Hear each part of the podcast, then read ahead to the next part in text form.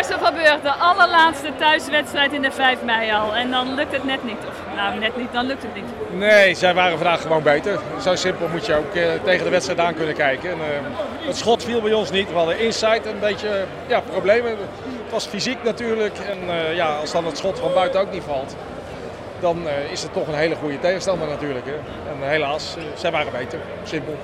En zo'n wonder als tegen Groningen zat er niet in vandaag.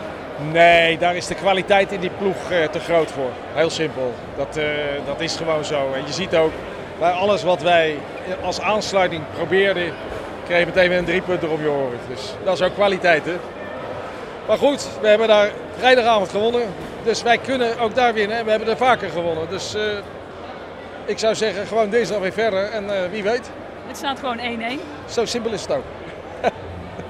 Succes dinsdag. Dankjewel.